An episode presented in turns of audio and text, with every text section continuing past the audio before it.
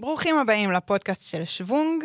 יש איתנו היום באולפן אורח מיוחד, יאיר להב, שתכף אה, יציג את עצמו.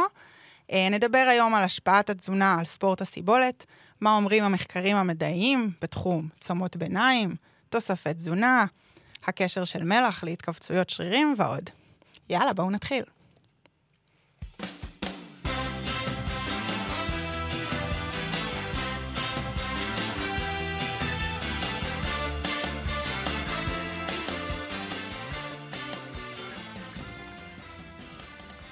אז אה, יאיר, ברוך הבא לאולפן, אנחנו שמחות מאוד אה, לארח אותך היום. תודה, תודה. אנחנו- שמח להיות פה. אנחנו ניתן לך להציג את עצמך, כי זה בלתי, בלתי. זה יותר מדי תארים, יותר מדי ניסיון, ואני לא מצליחה לעקוב אחריך, ואני כבר אה, איתך בליווי on and off, כזה ואחר, מ-2009, אני חושבת. תקופת, אם אה, אני- תקופת אובמה, כן. נכון, משהו כזה. עוד שהייתי רק רצה, ו- והבנתי מה שחלק מהמתאמנים שלי לא תמיד מבינים, ובכלל אנשים בספורט, וזה, once הבנתי שאני רוצה מרחקים יותר ארוכים, ושיש לי ש- שאיפות, שצריך לעשות דברים מסודר. כלומר, שכגודל ה- הטירוף שאנחנו אליו הולכים, ככה כמות ההשקעה, ה-dedication שלנו צריכה להיות, וזה גם ליווי תזונתי, נכון, לדייק את הדברים, וככה הגעתי אליך, צעירה פוחזת באחוז שומן גבוה. לא אמין. אמין, זה, זה היה, הכל זה היה יחסי. הכל יחסי, הכל יחסי הכל בחיים, יחסי כן. בחיים. אז בוא, בוא תספר לנו עם מי אנחנו פה, עם מי יש לנו הכבוד. אה, אעשה- את זה בקצרה ברשותכם. אה, אני בא מהעולמות של אה, החינוך הגופני, התזונה הקלינית והפיזיולוגיה של מאמץ. במשך כ-14 שנה הייתי ראש תחום של הכשרת מדריכי חדרי כושר במכון וינגייט. כיום כשבע שנים כבר אני מלמד אה, תזונה ומאמץ גופני בפקולטה ברחובות, באוניברסיטה העברית, ואנרגטיקה. אה, מחקר שלי עוסק בתחומים שונים, היום אני חוקר במעבדה של פרופסור יפתח גפנר בפקולטה אה, לרפואה, זה למעשה מחקר הדוקטורט שלי, שעוסק בצום לסירוגין, השפעתו על סינתזת חלבון, השפעתו על אה, כבד שומני, שומן ויסרלי וכוח ומסת שריר.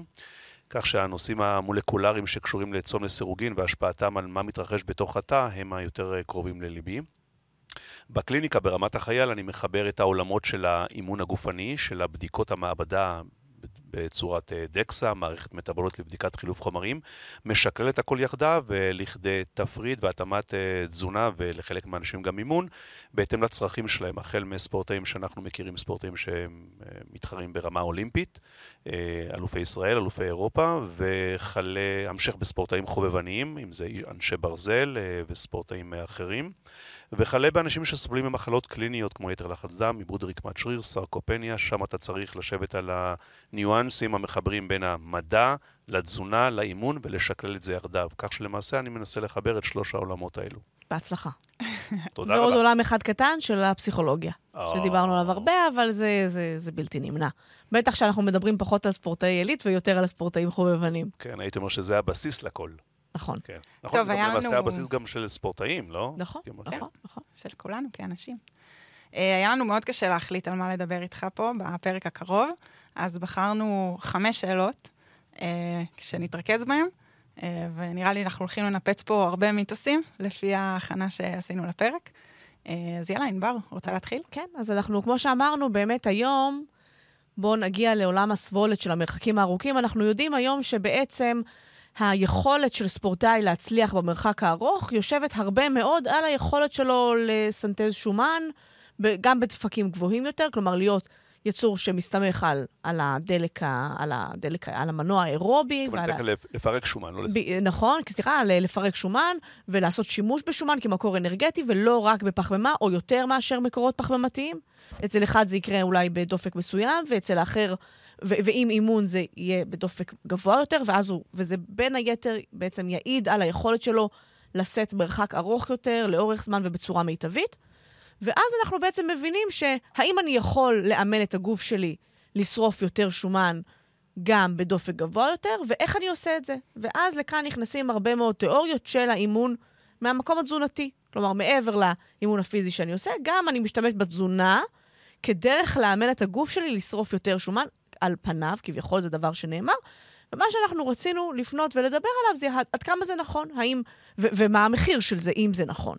כלומר, האם באמת אני על ידי לצאת לאימון בצום, לא לאכול במשך ארבע שעות במהלך האימון, האם אני באמת מייצרת מצב שהגוף שלי לומד לעבוד יותר על שומן ופחות על בחמה, ועל ידי זה אני הופכת להיות ספורטאית סבולת טובה יותר.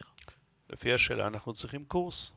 ועכשיו אני אשאל את אה, נועה, נועה, כמה דקות יש לנו, כמה דקות יש לנו לתשובה הזו? יש לנו עוד תשע. תשע דקות. כן. שעון יכול להתהפך, ועכשיו 8:59 שניות. כבר בזבזתי שתי שניות. ובום. בואו נתחיל בכמה דברים אה, בסיסיים כדי לתת למאזינים ולצופים אה, תובנה כללית על השימוש בפחמימות, שומנים וחלבונים בזמן מאמץ גופני. ואני אעשה את זה מאוד, בצורה מאוד טלגרפית ומאוד פשוטה. כאשר אדם יוצא לפעילות גופנית כלשהי, פרט אולי לאימון של קפיצה עכשיו או הרמת משקולת, אני ברמה העקרונית והכללית, בטח כאשר אנחנו מדברים על פעילות גופנית אירובית, אנחנו מדברים על שלושה דוודים שנפתחים. דוד אחד של פחמימות, דוד אחד של שומנים ודוד אחד קטן מאוד של אה, חלבונים. שלושתם יחדיו, באיזשהו תמהיל מסוים, מתחילים לספק לנו אנרגיה. עכשיו, האנרגיה או היחס, ואני אתייחס עכשיו רק לשני הדוודים האלו, הפחמימות והשומנים. היחס ביניהם הוא תלוי מספר פקטורים. פקטור ראשון הוא משך המאמץ. ככל שהמאמץ ארוך יותר, בהנחה שאין התערבות תזונתית ואדם לא אוכל כלום, תרומת השומנים הולכת ועולה בהדרגה. הולכת ועולה בהדרגה, ותרומת הפחמימות הולכת ופוחתת בהדרגה, כך שכעבור שעתיים-שלוש, הדלק עליו עובד האדם יהיה יותר משומנים. אני חושב שהדברים פה ברורים. אגב, חשוב לציין שאין קשר למידת ההוצאת האנרגיה בכל דקה נתונה. כלומר, אם בדקה העשירית לעומת הדקה ה-120 של רכיבה על אופניים, אני שורף לצורך השיחה עכשיו 10 קלוריות בכל דקה, ה-10 קלוריות שאני אשרוף או אצרוך בכל דקה, תמשכנה להיות 10 קלוריות, רק היחס בין הפחמימות לשומנים ישתנה בהדרגה כתלות במשך המאמץ. אז אחד, המשך. למרות שגם זה יכול להשתנות. כלומר, כן יכול להיות שבדקה האחרונה, אם נכון, אני... אם אני אתן ספרינט או משהו כזה, או תהיה עלייה או יהיה... נכון, בהנחה שאני רץ עכשיו על steady state, קצב 6 אה, דקות לקילומטר או 5 כן. לקילומטר, כן. אוקיי, אז התרומה אה, משתנה כ- ב- אה, כתלות במשך. שתיים, עצימות המאמץ. ככל שהמאמץ יותר עצים, כך תרומת הפחמימות גבוהה יותר, ותרומת השומנים נמוכה יותר. פירושו של דבר שאם אדם יוצא עכשיו למאמץ גופני, תבחרי זון 3 לצורך השיחה, אנחנו נראה שתרומת הפחמימות היא גבוהה יותר. הגם שתמיד אה, אה, תהיה לנו, יהיה לנו שילוב של דלק של פחמימות וחלבונים אה, ושומנים יחדיו. אז אם כן, מידת המאמץ. שלוש, רמת הספורטאי ודרגת האימון שלו. ככל שהספורטאי יותר מאומן, בכל דקה נתונה הוא יצרוך יותר שומנים ופחות פחמימות. במילים אחרות, אם אני שורף 10 קלוריות, אני הופך את זה למתמטי ומספרי, כי זה יהיה יותר קל, אני חושב, להבין. אם אני שורף 10 קלוריות בחודש הראשון של האימונים שלי, בכל דקה נתונה, את אותם 10 קלוריות אני אשרוף גם כעבור חצי שנה, אבל כיוון שאני מיומן והגוף מיומן, אני מצליח לשרוף יותר שומנים בכל דקה שכזו.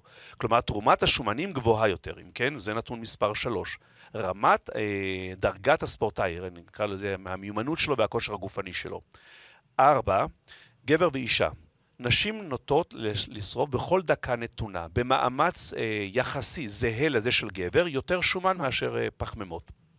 חמש, גם יש להם יותר שומן אה, מלכתחילה. נכון, אבל... נכון. אני, נכון, אני לא בטוח אבל שזו הנקודה ש... זה עניין הורמונלי גם, כן. כן.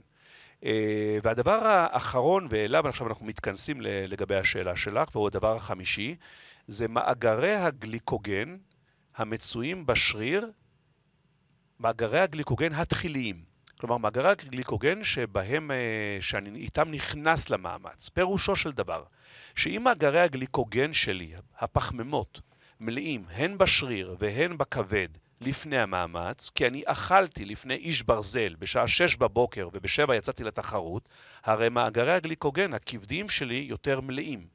ולכן תרומת הפחמימות היא פונקציה גם, וזה מספר חמש, כן, כפונקציה של מאגרי הגליקוגן. אם הם נמוכים, בכל דקה נמתונה אני אשרוף יותר שומן.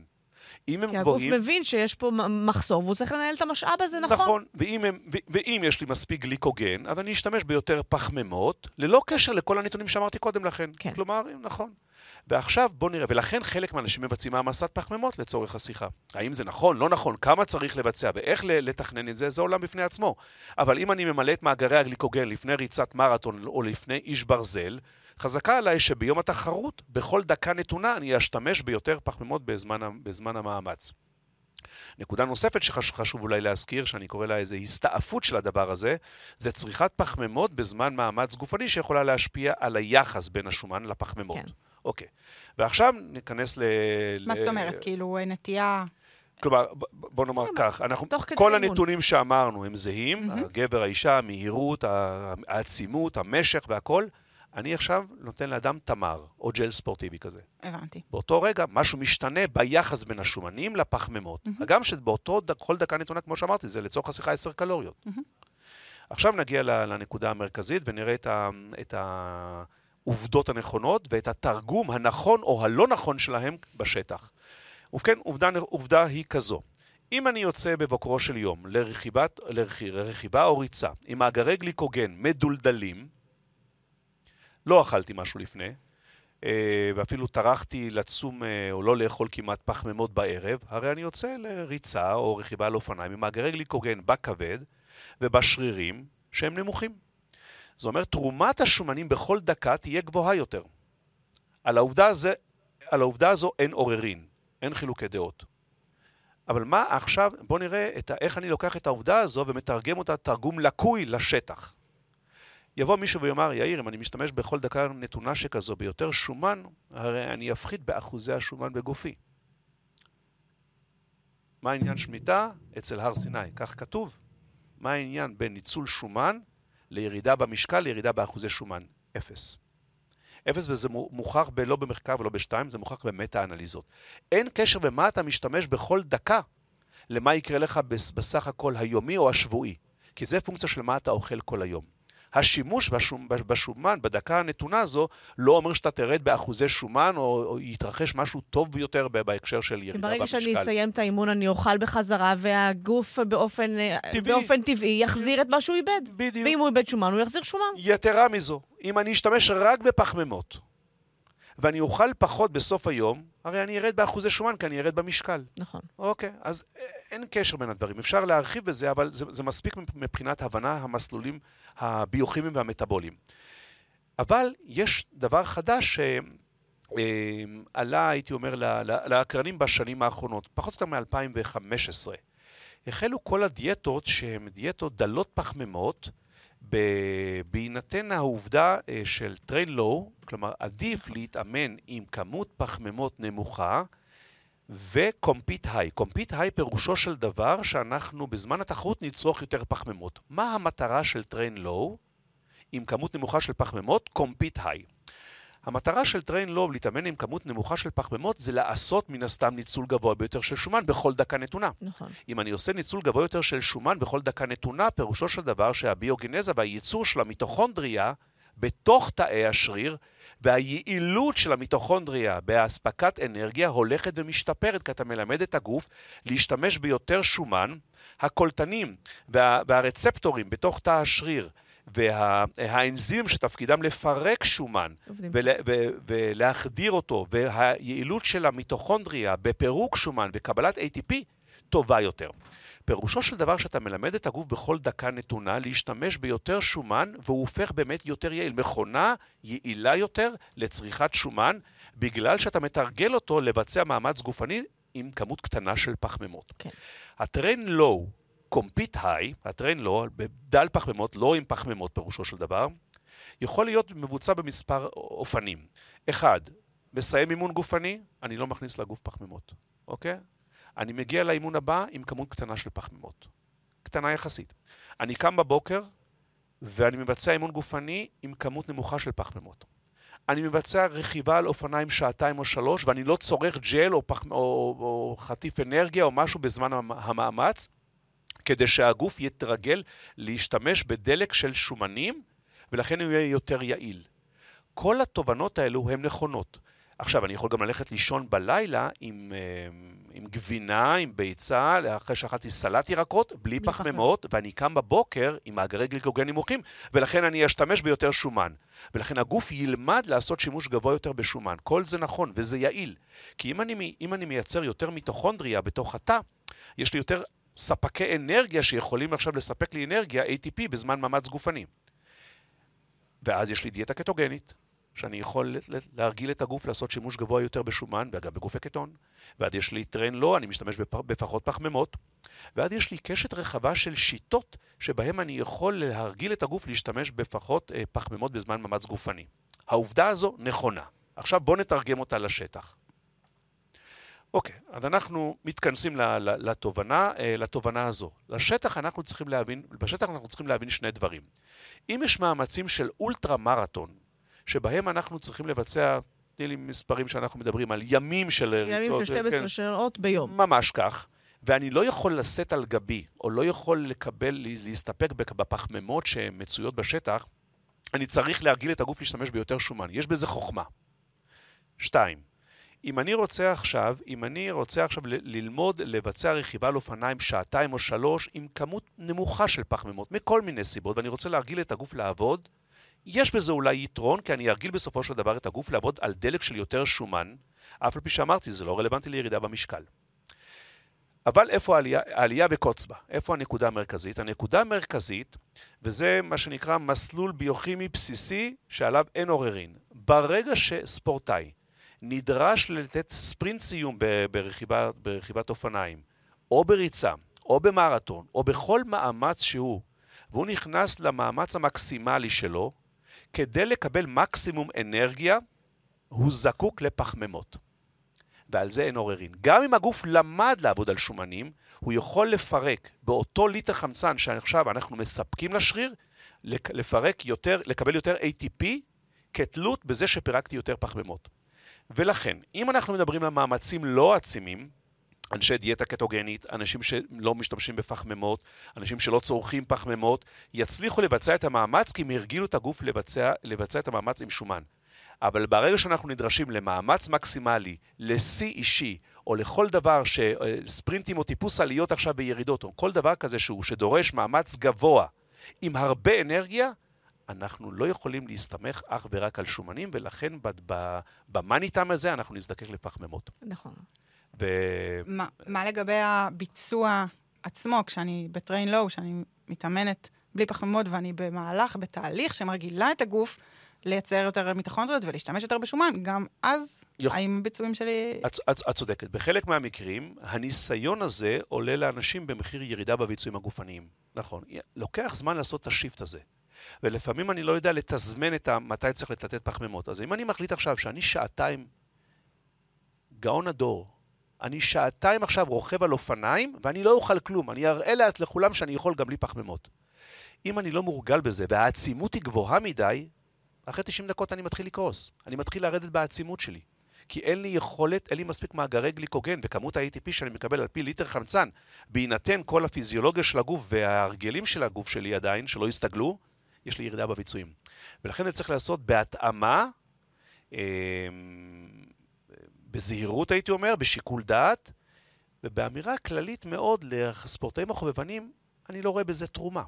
כן. אני לא רואה בזה תרומה אם הוא עכשיו יצרוך תמר יותר או תמר פחות. פרט לעובדה שהוא ישתמש ביותר שומנים, אבל מה יוצא מזה?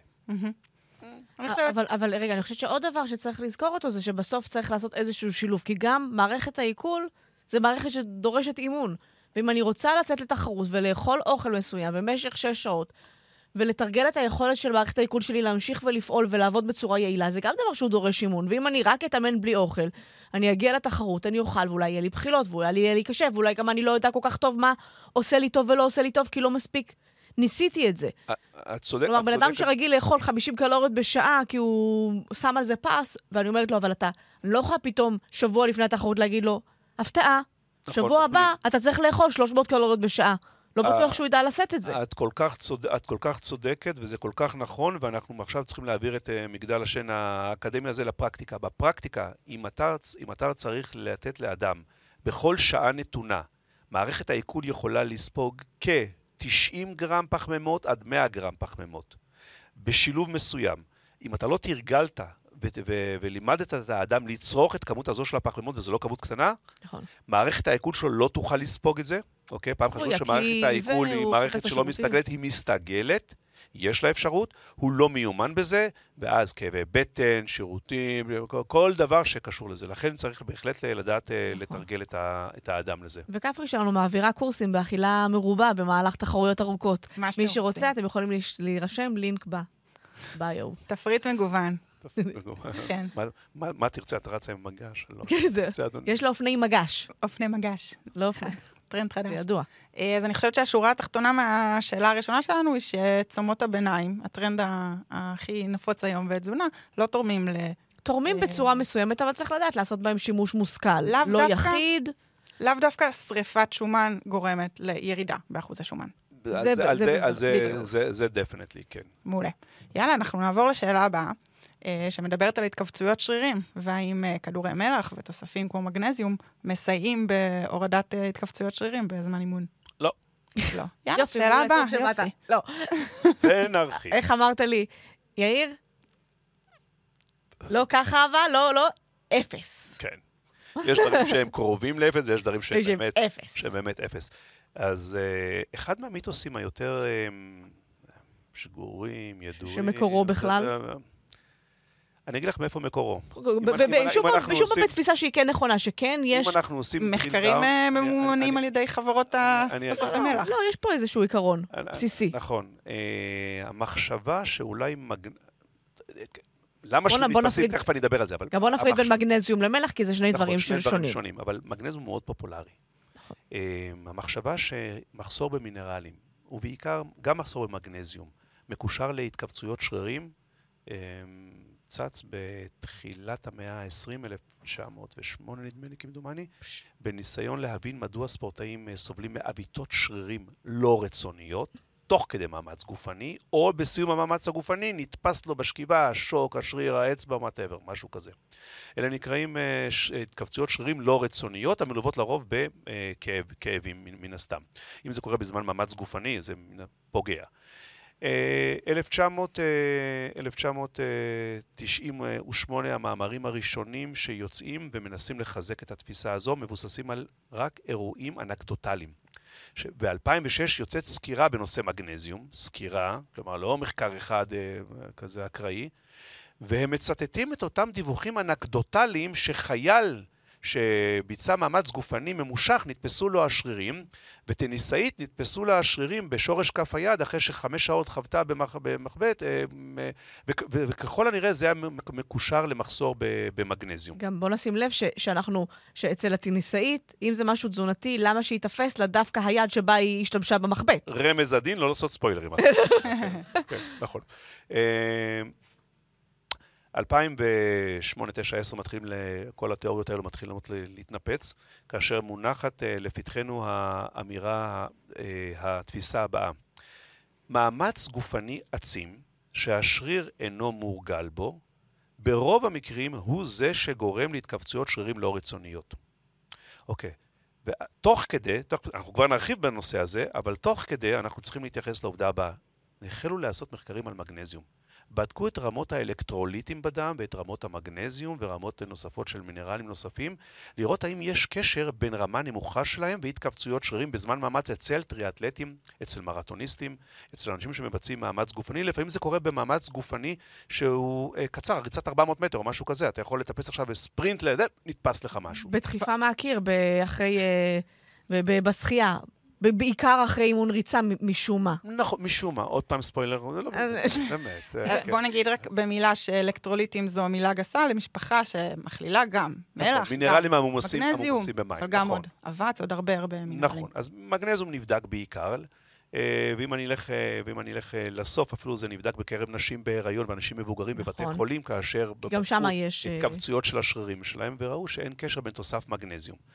אם כן, הדבר הזה, אני, אני אלך לסוף, אני אלך לבית המשפט העליון, אם לא נעשה עכשיו עליו איזושהי, איזו פסילה של בית המשפט הזה, אז בית המשפט העליון בהרכב נקרא לזה של 15 אה, שופטים, אה, וזה קוקרן ריוויו, אוקיי? סקירות קוקרן, שבודקות את, ה, את, כל ה, את כל הדאטה הזה בנושא מגנזיום והתכווצויות שרירים, ולא מוצאות קשר בין התכווצויות שרירים במאמץ לצריכת מגנזיום. זה לא מפחיד, זה לא כן. עכשיו, מגנזיום בפני עצמו, לצרוך אותו, אני אומר לכם, זה אחד המינרלים שאני, אני לא רוצה לומר ידי קלה על ההדק, אבל בהחלט אני אשחרר אותו לרוב האוכלוסייה. נכון. לזה אתה נותן לי שיבולת שועל. אנשים, יפה, יפה מאוד, נכון. גם אם אני נותן 2,000 קלוריות לאדם, ואני בודק את זה, ואני רואה שיש לו קורנפלקס פשוט, יש לו אורז לבן, פסטה, אנחנו לא מגיעים לצריכת המגנזיום שהאדם זקוק אליה. יתרה מזו, המים בישראל, 50% מהמקומות הם מותפלים.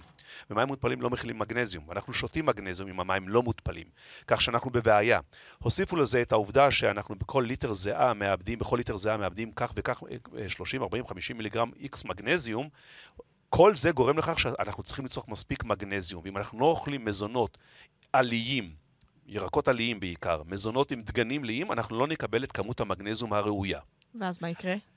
למה, על מה זה משפיע? ואז זה משפיע על קשת רחבה של מחלות מטאבוליות, יתר לחץ דם, סוכרת, מחלת לב כלילית, אתה רואה את הבעייתיות הקשורות, חולשה ועייפות, דיכאון, אה, חוסר, חוסר אנרגיה, כי הוא, הוא, זה, הוא אחד המינרלים שקושרים את המולקולה שקרויה ATP, ולכן לא פלא שיש לנו מחסור, אנחנו רואים את הירידה באנרגיה גם אצל האדם.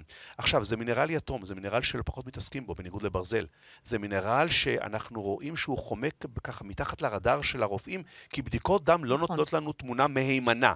נותנות תמונה, זה אולי פודקאסט אחר. נחזור להתכווצויות של השרירים בזמן uh, מאמץ. ההתכווצויות של השרירים נובעות מהסיבה הבאה, וזה, כפי שאמרתי, המחקרים הראשונים ב-2008. Uh, אה, נובעות מהסיבה הבאה, עצימות גבוהה מדי.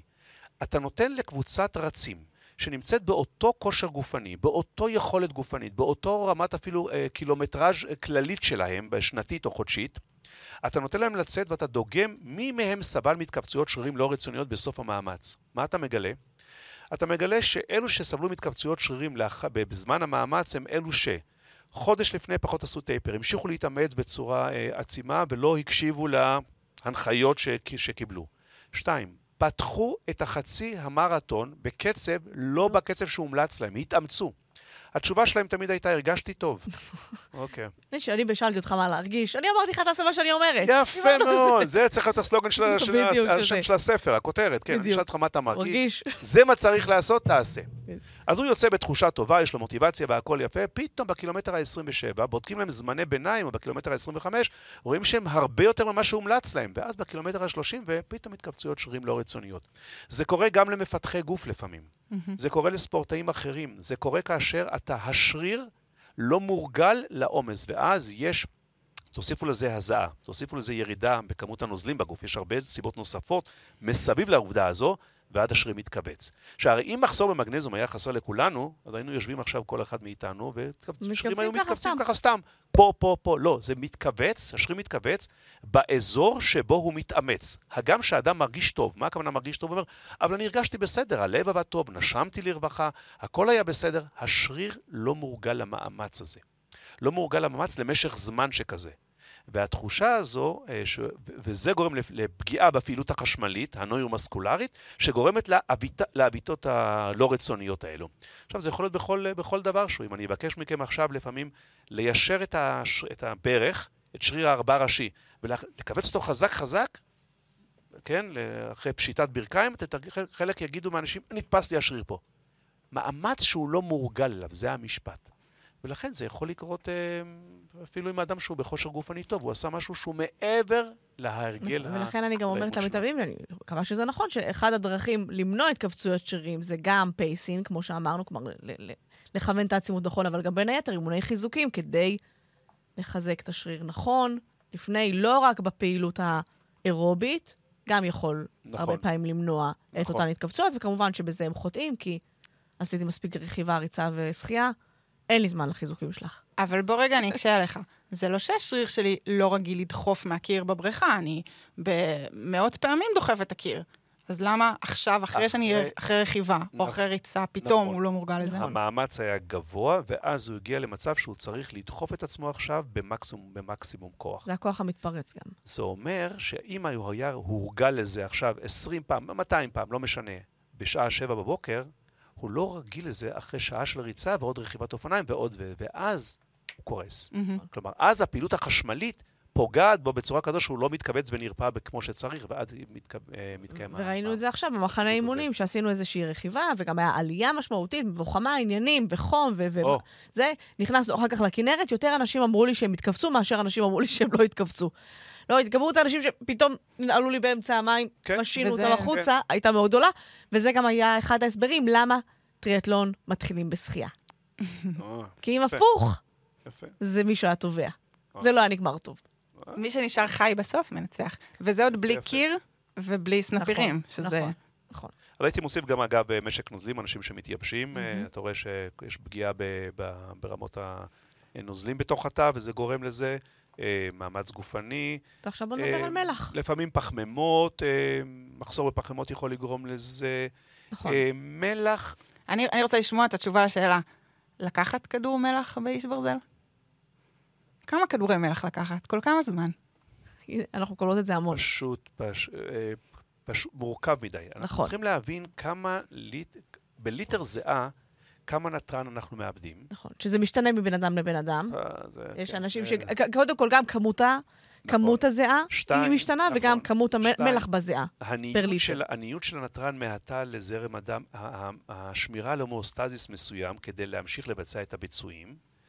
אה, הצריכה של המזונות שמכילות נתרן באופן טבעי, סתם חטיף אנרגיה, כל דבר שהוא מכיל כמות מסוימת של נתרן, בטח משקאות איזוטונים. רגע, בואו נגיד את הגשר הזה. בעצם מלח מורכב מנתרן וכלור, וכלור. ואנחנו... ובעצם כשאיר אומר נתרן, אז הוא מדבר על מה מל- המלח שהמרכיב כמו המלח המרכזי. השולחני בעצם. בטח, השול- נכון. אפילו דבר. אגב, לפעמים אני אומר לאנשים, תוך כדי רכיבה, אם אתה יכול לקחת אה, בייגלה, שטוחי או משהו כזה, זה גם בסדר. נכון. כן. אבל עכשיו בואו נרד ל- לרזולוציה הזו. אם אני אקח את 4, 5, 6 שעות ראשונות, אנחנו לא נראה ירידה ברמת האלקטרול... בירידה ברמת נתרן שדורשת אספקת כדורי מלח. נכון. כלומר, זה משהו שהוא... וזה, בן אדם אומר לי, התכווצתי בשחייה, לא לא בגלל- לקחתי מלח. אני אומרת לו, נשמה שלי, לא יכול להיות שבשעה, לא משנה מה עשית, איבדת כמות מלח שהיא הגורם לזה שהתכווצת. זה פשוט לא, לא אפשרי נכון. פיזיולוגית. נכון, נכון, נכון, נכון. ואז אנחנו יכולים לרדת, לש... יכולים לרדת לרזולוציה, וזה כבר מתחיל להיות מעורפל פה. זה כבר אה, לא שחור לבן, זה הייתי אומר, אבל אני נכנס לתחום שהוא danger zone כזה. מסוכן מבחינת דיון. שעה שישית, שעה שביעית, שעה שמינית, בהנחה שהוא אוכל X או שותה Y, ו- או כן או פחות, אני הייתי מתחיל לשקול לוודא שהוא מקבל מספיק נתרן בשעות המאוד מאוחרות של, ה- של האיש ברזל. אמ, ואז אני צריך לראות מה הוא אוכל ולשקלל את זה, ואולי במשקה האיזוטוני לדאוג שיהיה שם אה, כמות מספיקה של אלקטרוליטים. אז את זה אנחנו בודק, בודקים, בודקות, נכון, יש יש לנו פרוטוקול תזונה, מדוגם, מסודר, היפים, כל בן אקסל. אדם כותב מה הוא אוכל בשעה, ואז כמובן שפה יש איזושהי, איזשהו דבר שהוא, אנחנו- אני נותנת כל מיני כללי אצבע ל... בערך, האם אתה מזיע כבד, מזיע קל, פחות או יותר איפה זה שם אותך בין ליטר לליטר וחצי לשניים וחצי, לא יודעת עד כמה זה מגיע, נראה לי זה מגיע עד שניים וחצי זה ליטר. יכול להגיע, אתה- אדם יכול להגיע ביום חם, א', יש שונות בין אישית, אבל. בהנחה שתנאי נכון. מזג האוויר והלחות והעומס והטמפרטורה אה, בסביבה והרוח שלא קיימת וכולי וכולי, וה- והמאמץ שלו שמייצר חום, אתה לפעמים יכול להגיע למצב שאתה יורד משניים, שלושה ליטר בשעה. בדיוק, אז אמרתי שניים וחצי ליטר פחות, בין- חצי לשניים וחצי, זה פחות או כן. יותר הכמות אה, זה, וגם אחוז המלח הוא בין 500 ל-1,500 מיליגרם לליטר. כן. אז אם אתה מחבר פחות, אתה עושה, בודק האם אתה, כמה מלח יש עליך בסוף אימון, אתה מבין פחות או יותר אם אתה מלוח כן, או ואתה- לא. ואתה גם- ואתה גם יודע, ואתה- נכון, יש גם סלטי סוואט שאתה רואה אנשים... בדיוק, וגם את אתה. יכול לעשות כל מיני אימונים ולראות כמה אתה מאבד במשקל באימון כזה, באימון אחר, באימון... ואז לדעת נכון, מה ואז הטווח בליטר שלך. כמה אתה, כמה אתה מאבד, מה אתה אוכל, ואז אתה גם צריך לדעת שגם אם איבדת בארבע שעות עכשיו אה, שני ליטר של מים, שמונה ליטרים, אבל שתית ליטר ומשהו כל הזמן, נכון. כי אתה לא יכול לספוג יותר מאשר נגיד ליטר, ליטר נקודה שתיים בשעה, אה, אין לך בעיה של נתרן בגוף. בדיוק, לא, אבל זה, עכשיו אנחנו מחברים את הנתון הזה שאתה נותן את כללי אצבע, כנראה אתה מאבד אלף, אוקיי. אה, אלף מיליגרם אה, מלח בשעה, אם אתה מאוד מלוח ומזיע הרבה, נגיד, סתם אני אומרת, אנחנו נדבר על זה שבוע הבא, באימונים על חום והידרציה, ואז אני אומרת, עכשיו תסתכל מה אתה אוכל, כמה מיליגרם מלח יש באוכל שלך, ותראה האם אתה משתווה, נמוך, גבוה, מה קורה שם. באופן, באופן טבעי אדם, אד- אדם יגיע לזה, אדם יגיע ל... בדיוק, ובגלל גרם, נכון, אה, ובגלל זה אנחנו, את זה אנחנו בודקים. ואז 2,400 מיליגרם נתרן. ואז אנחנו מראים, ומישהו כנראה מעל הסף הזה, והוא באמת מאבד הרבה מלח ולא לא מכניס מספיק בתזונה שלו, אז הוא אולי ייקח כדור, אבל זה לא בכמויות שאנשים כנראה לוקחים. וצריך גם להגיד שגם לזה יש סכנה, כלומר, גם ה over מלח, שמייצר כנראה התייבשות ואיבוד נוזלים, ואז... זה, זה, כבר- זה, זה להיכנס כבר ל shift במערכת ה, האלקטרוליטים בגוף ולמערכת הנוזלים והנתונים שצריך לשבת פה עכשיו על נתונים, ואני אני חושב נכון. שאנחנו קצרים בזה. אני, אני חושבת שזה... להעמיק בזה צריך, כן. כן, אני חושב- זה מורכב. אני חושבת שיש פה משהו שאמרת ככה בין השורות, שחשוב לתת עליו דגש, שאנחנו יכולים לספוג בגוף שלנו עד ליטר, ליטר נקודה ליטר, ליטר שתיים. נקודה כלומר, שתיים בזמן אה, מאמץ גופני זה גם מאוד קשה, אם המאמץ הוא גבוה, מערכת העיכול עובדת פחות אה, כן. יעיל, אז זה אומר שבסופו של דבר האדם אה, נדון מראש ל- להתייבשות התייבשות, באיזושהי ברור, צורה. אם הוא- אינהרנטית. אם, אם, אם, אם הוא כל שעה מאבד ש... שני ליטרים, כלומר- מזג. אוויר מאוד קשה, והוא שותה, אחרי שעה הוא פחות, הוא במינוס אה, ליטר, פחות קילו, אחר כך עוד קילו פחות, עוד קילו פחות. נכון, תחשבו על הטור דה פרנס, מה אותו קורה. דבר גם עם תזונה, אנחנו בה- בהגדרה בדפיציט קלורי ובהגדרה בדפיציט של אה, נוזלים. כאילו זה... כלומר, אין סיכוי להשלים את. הכמות קלוריות וגם שאני לא- מאבדת וגם לא לנסות. הכמות נוזלים שאני וגם לא מאבדת. לנסות, כי אם אני אנסה לאכול כמה שאני לא, מאבדת, אז אתה מגיע, אתה, אתה, נכון, נכון, אתה עם כמות גדולה. של נוזלים, אנחנו נגרום, ל, אנחנו נגרום לבעיה אחרת, נכון. אמנם היא פחות אה, שכיחה, אבל אנחנו עלולים אוקיי, אז, לבעיה. אז, אז שורה תחתונה, אה, לגבי מגנזיום אמרנו אפס תרומה. הגם לגבי- שלצרוך, אני בהחלט חושב שחלק מהאנשים צריכים לצרוך מגנזיום על בסיס קבוע כמעט, במהלך אה, אימון. במהלך חייהם. כן. כן. לא, לא, במהלך ב- היום-יום, לא. ללא קשר ל... ללא קשר בדיוק, ל- אז במהלך אימון אפס תרומה, בין האימונים יכול להיות ש, שיש על, על צורך. בסיס יומיומי, לתפקוד יומיומי, ללא קשר להתכווצויות שרירים, צריכת מגנזיום, ראשית ממזון והמשך בתוסף. מבלי להיכנס להסתייגויות, אני חושב שזה אחד המינרלים, כמו ויטמין D. יש דברים שאתה די בטוח שאתה נותן אותם לאנשים, ואתה לא גורם נזק, בטח ב-200 מיליגרם אה, אה, מגנזיום.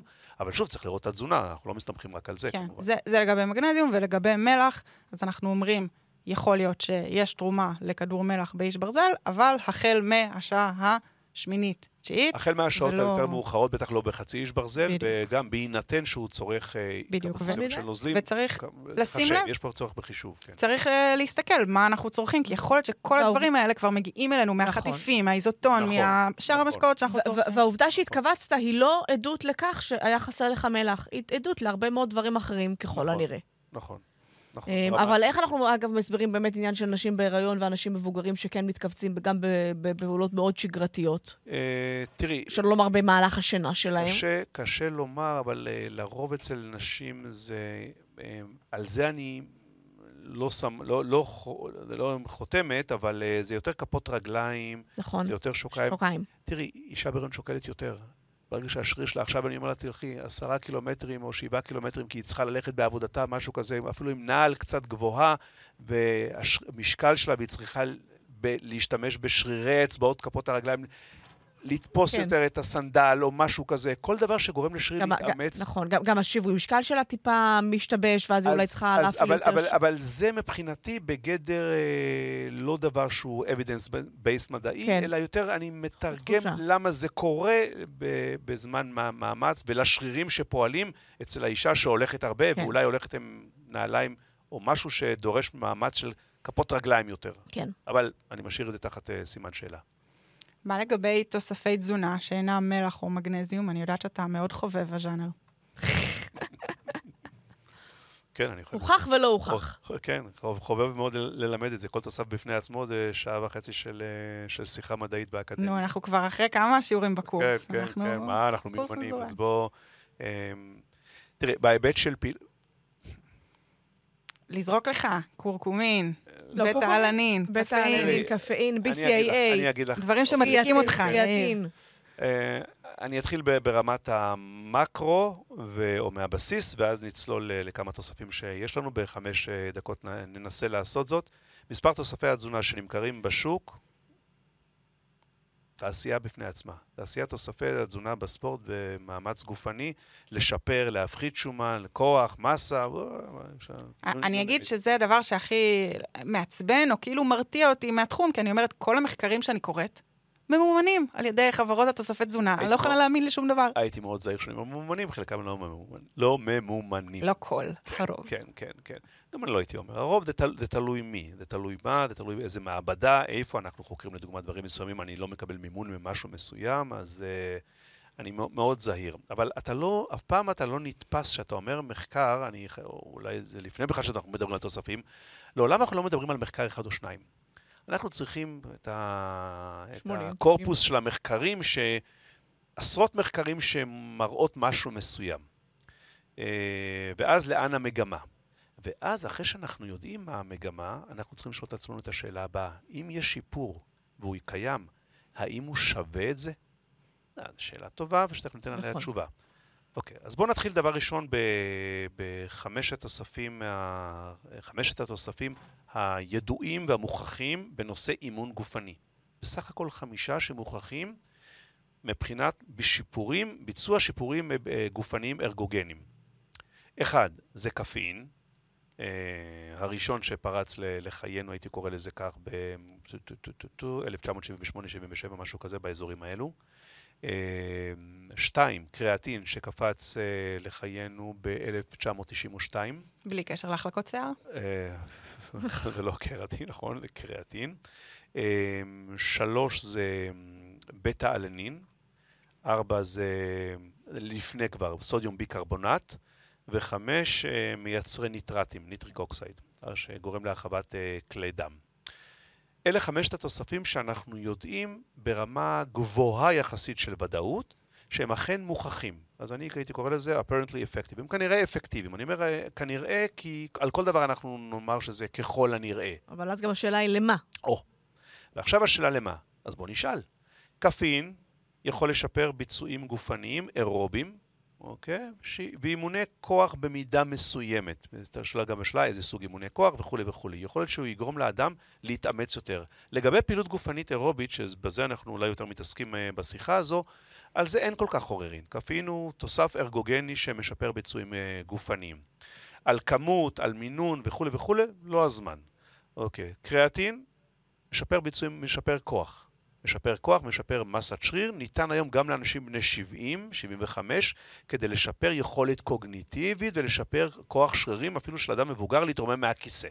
אוקיי? בהנחה שאין לו בעיה בכליה, אפשר לתסף אותם היום, והיום קריאטין אה, פשע לאזורים אחרים שהם לאו דווקא בנושא כוח ומסת שרירים וריצת 100 מטר. הרבה הרבה מעבר. אוקיי, זה לגבי אה, קריאטין. אגב, חשוב לומר דבר כזה לגבי כל התוספים. ברגע שתוסף פורץ לחיינו, תוך שנה-שנתיים, אם הוא עובד, זה מוכח מאוד מהר. אם הוא מתחיל לג'עג'ע... שכחו מזה. אה, דפדפו הלאה. אז איך זה, בדיוק, דפדפו הלאה. אז אוקיי, בשפה הלא מקצועית זה דפדפו הלאה, זה הפרקטיקה. בשפה האקדמית זה מוקדם מדי, לא, לא, לא בטוחים מאוד, אה, יכול להיות שהוא עובד, יכולת. היכולת הזה של העובד יכול למשוך אותו ככה שנים, אבל זה לא מוכח עוד שהוא עובד. אוקיי. ויש היגיון, אגב, תמיד יש היגיון בתוספים האלו, אבל לא עובדים. אה, אז קריאטין גם, תוך שנה, ברגע שהתגלה, תוך שנתיים כבר מספיק כל כך הרבה מאמרים שאכן הוא עובד. כנ"ל לגבי בטא-אלנין. בטא-אלנין ניתן אה, לאנשים של... אה, מסלולים מטאבוליים של ריצת 400 מטר, 800 מטר, שחייה דקה, ג'ודו, דברים כאלו שהם מאוד קצרים. זה לא קיים כל כך בענפים שאנחנו מדברים עליהם. מייצרי ניטרט, כנ"ל, וסודיום ביקרבונט כנ"ל, אני מדבר על 400 מטר, על ג'ודו, על ריצה אה, של 1,500 אה, מטרים, דברים אה, בסגנון הזה, שחייה של שתי דקות או דקה ומעלה. שם פה התוספים האלה קיימים. אם כן, מה אנחנו יכולים להבין מכל ה... שלנו ספורטאי הסבולת נשאר רק קופאין. ספורטאי הסבולת, אנחנו מדברים על קפאין. ואז נשאלת השאלה, האם צריך לקחת קפאין כל פעם, כי הרי מה יכולתו? יכולתו לאלחש, לתת איזושהי תחושה כן. של אנלגז, חוש במוח. לתחושת הכאב. ואם אני חש פחות כאב, אני יכול לבצע את, נכון. את המאמץ הגופני. אז ראשית, אם אני יוצא למאמץ ממוצע, אני לא צריך קפאין. נכון. שנית, בואו אני עכשיו צריך לבדוק מה המחקרים מראים, כמה הוא משפר את הביצועים הגופניים. זה נושא, זה נושא אה, כבד, כי הרוב המחקרים נעשים במעבדה. ואז כאשר אתה נושא, עושה את זה במעבדה, אתה רואה משהו אחד. אבל מצד שני, כשאתה נכנס עכשיו לאיצטדיון או לתחרות אמיתית, אתה מפריש אדרנלין מרוב התרגשות, כזה שמקהה את תחושת הכאב שלך באופן טבעי, ולכן לעולם לא יודעים מה ההשפעה האמיתית של קפאין בתנאי תחרות אמיתיים שאני מתרגש ויש לי הפרשה של אדרנלין. אגב, שהוא מוכח כעובד, עוד פעם, אה, בהיבט הזה. אה, ואז אני אכנס לתוספים אחרים שנלקחים לפעמים, בטא-אלנין. אתם יודעים מה ההשפעה של בטא-אלנין מבחינת ביצועים גופניים, כאשר אתה נוטל אותו או לא נוטל אותו? ההשפעה היא מקום מדליית כסף, או מדליית ארד, או מדליית ארד, או מדליית כסף, בשחייה של 100 מטר פרפר או חתירה באולימפיאדה. שכמה מאיות. שנייה זה? זה 0.20 ומשהו, 0.15, 0. whatever של אה, מאיות השנייה. כלומר, מאוד, זה מאוד קריטי, באיש ברזל. זה קריטי. ובטריאטלון. ספורטאי, נכון, לאולימפיאדה, קריטי לאליפות ישראל. בטל בשחררים. כל- כלום בוא ושום נדפדף דבר. הלאה, כן. זה- לא, אבל גם מייחסים, יש כאלה שמייחסים לו דברים אחרים שאנחנו צריכים להוריד אותם מהפרק. או, אה, מונע התעייפות, אה, לא, משפר התאוששות. לא, לא, הלאה, ממש לא. דפדפנו. לא, בעגה המקצועית. נכון. אמ, לא ברמה העקרונית, אבל כל דבר כזה אפשר לדון עליו הרבה, כן. לא הזכרת בכלל אה, BCAA. BCA הוא לא נחשב. כתוסף שמוכח, אני מבחינתי ב, ב, ב, בצורה? בצורה, בצורה הלא אקדמית, אני חושב במוחי שזה בזבוז אה, כסף במידה מסוימת, אה, ברוב המקרים, אבל בצורה אה, אה, אקדמית וזהירה, אני את, את מחשבותיי לא אעלה פה בקול רם, ואני אומר רק שככל הנראה הוא לא מוכח. בוא נגיד, ש- אה, רק נזכיר שזה חומצה אמינית. ש- אה, BCAA. הם שלוש חומצות אמינו שאנחנו לא יכולים לייצר, שאנחנו צריכים לקבל אותן מהמזון, ושתי סיבות אה, יש ללקיחתן, כאשר חלקן החלו בשנות ה-90. סברו בשנות ה-90 שעייפות נובעת, אחרי שעתיים, שלוש של ריצה, מכך שאנחנו מפרישים אה, הורמון שנקרא סרוטונין. סרוטונין, אה, החומר המוצא שלו, חומצת האמינית המוצא שלו היא טריפטופן. ברגע שטריפטופן מגיע למוח ונכנס ומייצר סרוטונין במוח, יש תחושה של נינוחות, רגיעה, תחושת well-being. ואז אמרו לעצמם האנשים דבר כזה, המדענים. והרציונל, תראו איזה יפה הוא, הסיפור הוא יפהפה. יפה. בזמן מאמץ גופני אני עושה שימוש ב-BCEA. אם בזמן מאמץ גופני אני עושה שימוש ב-BCEA, אז רמתו יורדת בדם. אם רמתו ירדה בדם, אז הטריפטופן רמתו עולה ביחס ל-BCEA בדם.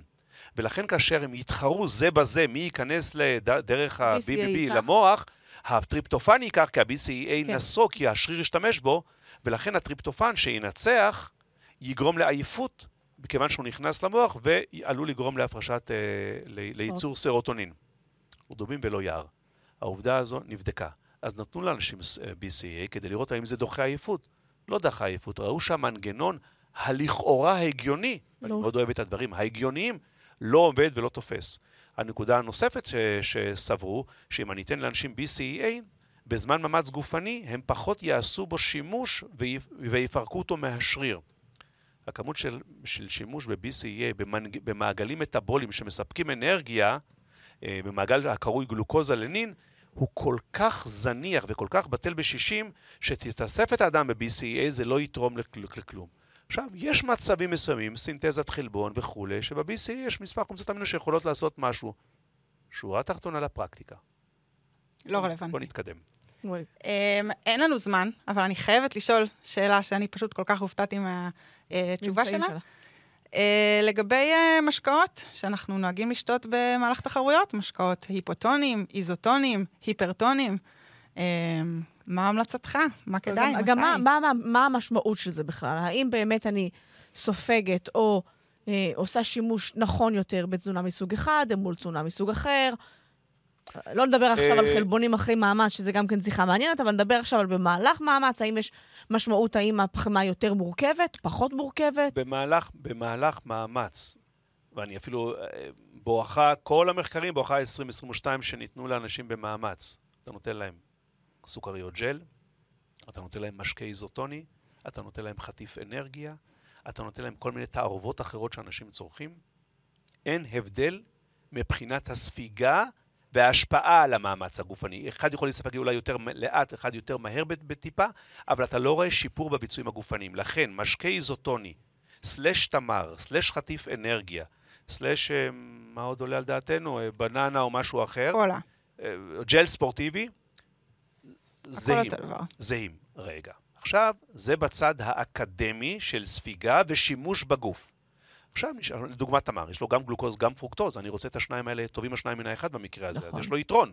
אתה תאמר לי, ג'ל יותר טוב? אני אומר לך, לא, לא. ממש לא. אבל יש דבר שהוא קרוי פרקטיקה. בפרקטיקה, טכנית, בזמן ריצה, קל לי יותר להשתמש ב... ג'ל. בג'ל. אה, עם אני- אני שם ג'ל אחד. בטייס וזהו, אני גמרתי סיפור. אז יש יעילות, שהיא יעילות, אני קורא לה יעילות אה, טכנית, בשימוש באו ג'ל, או משקה איזוטוני, או חטיף אנרגיה, או בננה, או תמר, בזמן מאמץ גופני. ברכיבת אופניים לפעמים נמאס לך לקחת ג'ל. אתה רוצה לאכול משהו, אוקיי? אז אתה לועס משהו מסוים, חטיף אנרגיה. מצד שני, משקה איזוטוני, משקה איזוטוני יש לו יתרון נוסף. הוא מחזיר לי קצת אלקטרוליטים תוך כדי המאמץ, והוא נותן לי נוזלים. פרט לגלוקוז שמצוי שם. אז יש לו יתרון בזמן מאמץ גופני, שבהם אני זקוק גם לנוזלים. אז עכשיו, כשאתה עושה, אתה, אתה, אתה, אתה שוקל את הדברים, אתה צריך לשים על, ה, על, ה, על המאזניים את כלל הדברים האלה שאני מדבר עליהם, על רמת המאמץ, על סוג המאמץ. יותר קל לי, פחות קל לי, ריצה, אופניים, שחייה, יום חם, נוזלים, לא נוזלים, ואז לקחת החלטה מושכלת. אבל בשורה התחתונה, מבחינה פיזיולוגית, בהנחה שאני יכול לתת עכשיו לאדם את כל החומרים האלו בצורה מופרדת, או ג'ל, או תמר, או משקה איזוטוני. ההשפעה זהה. אבל עכשיו, מה אם אנחנו מכניסים פה גם את מערכת העיכול לתוך השיחה הזאת? ואנחנו אומרים, יש דברים שהם מורכבים יותר לעיכול, פחות מורכבים לעיכול, דורשים יותר אנרגיה אולי לעיכול מאשר משהו אחר. האם זה גם כן דבר שאני צריכה לקחת אותו בחשבון? לא, כי תראי, ת- אם אני אקח תמר, או אם אני אקח ג'ל, אלה דברים נוחים, לכן ברכיבת אופניים חטיפי אנרגיה. אז מישהו אומר לי, תשמע יאיר, יש שם קצת אה, גרנולה או משהו כזה, וזה קצת יותר מורכב מאשר הג'ל הספורטיבי שמכיל רק כן, אבל מולקולות. אם אני עכשיו עוברת. קדימה לפיתה עם חמת בוטנים לא. וכף מאוד מאוד גדולה אה, של רגע, שומן. נכון, רגע, אז עכשיו בוא, בוא, בוא, בוא נחשוב. דבר ראשון, הפיתה בפני עצמה, סתם חצי פיתה לבנה עם אה, משהו מסוים קטן בפנים, זה בסדר. על הכיפאק. עכשיו נשאלת השאלה, את הכנסת משתנה נוסף, משתנה של שומן חמת בוטנים. אז אם אני רוכב על אופניים 4-5 שעות והעצימות היא לא גבוהה במיוחד ואני רוצה לאכול משהו ואני לא מגיע לרמה שזה גורם לי ל- ל- ל- לכ- ובטן או לרצות אה, או שאיזושהי תחושה לא, נוחות, לא נוחה במערכת העיכול, אז אני כאן אוכל להשתמש בחמאת בוטנים, בכפית חמאת בוטנים בתוך הפיתה. וזה גם עניין אינדיבידואלי. בדיוק, אה, אינדיבידואלי, דרך אגב, כל מה שאנחנו אומרים במקרה הזה, זה אחד יאמר, אני רק חטיף וג'ל, השני אומר, אז זה תשמע, עושה לי בחילה בשעה השלישית, אני לא יכול לראות יותר. השני אומר בדיוק, אני בננה קצת, או, קצת אה, בייגלה תוך כדי, עושה לי נהדר ברכיבה לא, על אני אופניים. פרוקטוז עושה לי נפיחות בבטן, אני אוקיי, אומר, יש לי... נכון, אבל פרוקטוז זה כבר להיכנס לסוג הסוכר. נכון. כשאנחנו מדברים על הרמה הזו, בהנחה, אה, את יודעת מה עוד דבר שאנחנו יכולים להסיק אולי מהשיחה הזו, מהשאלה, ובזה אנחנו מתכנסים לסיום? במקרה הזה אין לי ברירה אלא לומר שהתחום הוא אפור, ולכן איש מקצוע והאדם עצמו ספציפית צריכים להחליט יחדיו נכון. מה האוכל שצריך לספק לו, מה התדירות, מה המינון ובאיזו כמות. מהמם. אה, ולגבי השאלה שהתחלתי ממנה, משקה היפוטוני, שיש בו ריכוז של פחות מלחים ופחמימות מאשר בדם, לעומת משקה איזוטוני, שיש לו אבל אני ריכוז שווה אבל, רגע, אבל היום. גם יש היפוטונים ש, שהם לא בהכרח, הם יותר אפילו לפעמים קלוריות, אבל הם היפוטונים כי הם פחות סוכריים. כלומר, יש בהם יותר פחמימה מורכבת. יש שם הרבה, יש ברנדים של משקאות שבהם הפחמימה כביכול יותר מורכבת, ואז אומרים שיש להם השפעה שהיא יותר slow release. אומרים, אני, אני לא זקוק, אה, טוב, יש פה כמה דברים, הנחות מקופלות בדיון, כן. בדיון הזה, כל- כמה, כמה קלוריות, כמה slow release. אני לא זקוק, אני, א', פיתה זה עמילן, אוקיי? ואני, ואני מפרק אותה בסדר גמור. נכון. אה, אה, אה, תמר, כמו שאמרתי, זה, זה גם קצת עמילן, גם פרוקטוז וגם גלוקוזה, נכון. זה שילוב. אה, משקה איזוטוני הוא רק גלוקוז, הוא רק גלוקוז אה, proper. נכון. אה, אנחנו חוזרים לאותה, אנחנו משחקים, תלוי מה, מה הצרכים. אבל האם. יש אני לא רואה בעיה בהיפוטוני הזה, כן. אף על פי שמשקה איזוטוני, מעצם העובדה, הספיגה שלו היא תהיה אה, יח- יחסית אה, נוחה למערכת העיכול. הקולטנים והרצפטורים והאפשרות של מערכת, של המעיים להעביר את הגלוקוז והפרוקטוז אה, בטרנספורטרים היא נוחה מאוד במשקה איזוטוני.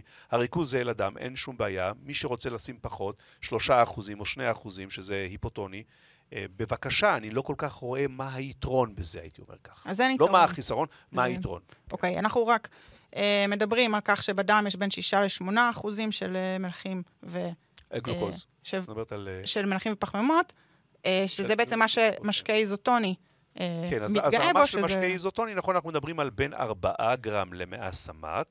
לבין אה, עד 8... 8-9 גרם ל-100 סמ"ק. לעומת משקה היפוטוני, ש... מים, נכון, ש- נכון, יש- שבהגדרה מכיל פחות נכון, מהריכוז אבל- מומסים אבל אם אני בדם. משתמש במשקה איזוטוני, חזקה לי שאני זקוק לכמות הזו של הקלוריות והגלוקוז תוך כדי המאמץ, אחרת למה אני. צריך היפו או, או, או איזו? אני לא צריך כלום, אני אשתה מים ומספיק. ונחכה לארוחה הבאה. טוב, אז אה, ננסה לסכם את כל מה שדיברנו עליו. אני... היה מעניין, תודה. נכון. אה, אז אני אגיד את כל השורות התחתונות ש... שנגענו בהן. אה, דבר ראשון, דיברנו על טרנד תשומות הביניים ושרפת השומן, האם זה עוזר לי בירידה באחוזי השומן בגוף? אז התשובה היא לא, זה לא מה שיתרום לי. לעומת זאת, אני כן אנצל יותר טוב שומן במיטוכונדריות בגוף, מה שיכול להוביל לירידה בביצועים תוך כדי האימונים, אבל אה, יתרום לביצוע בתחרות. ולכן צריך לעשות שימוש מושכל בטקטיקה הזאת. נכון. באדפטציה.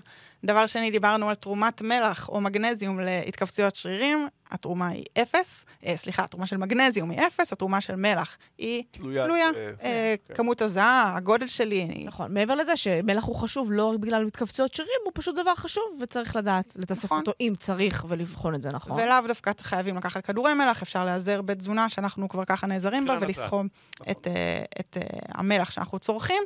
אה, דבר אה, שלישי, דיברנו על תוספי תזונה, שאמרנו שהם לא רלוונטיים, מלבד ברובם. קפאין, שעשוי להיות רלוונטי, אך מעולם לא נבדק בתנאי תחרות. ו... נכון, אה, אני רק רוצה לחדד, אנחנו מדברים על תוספים שמשפרים ביצועים גופניים, יש אה, תוספים אחרים למניעת תהליכים אה, דלקתיים אולי, יש תוספים שהם ברמה של חוסרים קליניים כמו B12 וברזל, יש הרבה דברים, התוס- המשפחה הזו היא ענפה. כן, כן. אנחנו אנחנו- דיברנו על שיפור ביצועים פרופר. גופניים. עבור, עבור ספורטאים בריאים שמחפשים לשפר את הביצועים שלהם, ולא איזה שהם מחלות נכון, אה, נכון. רקע. נכון. ושורה התחתונה האחרונה, אז דיברנו על אה, תרומה של אה, פחמימות וסוגיהן במהלך הפעילות, ואמרנו שהתרומה של תמר תהיה זהה לתרומה של ג'ל, שיהיה זהה לתרומה של בננה, אה, ומה שכן משנה פה זה הנוחות. סוג המאמץ, סוג המאמץ, נכון, שזה אולי הכי חשוב, סוג המאמץ. אם זה שחייה, אופניים או ריצה, כך מבחינה פיזיולוגית גרידה אמרנו שהם שווים פחות או יותר, אבל אז ההתאמה היא כפונקציה של מה הצרכים של האדם ומה סוג האימון הגופני שהוא מבצע. נכון, והנוחות שלי לצרוך עכשיו ולהתחיל לפתוח אה, אה, כל מיני או להקל. חטיפים, או... כן, או, או להקל. נכון, נכון. לפתוח בננה, להחליק עליה פתאום, ולא בסדר. אה, תודה רבה שבאת פה לאולפן, לא, יאיר. תודה רבה שמחנו. מאוד לה- היה פינג לארח פונג. אותך. כיפי. תודה רבה. תודה.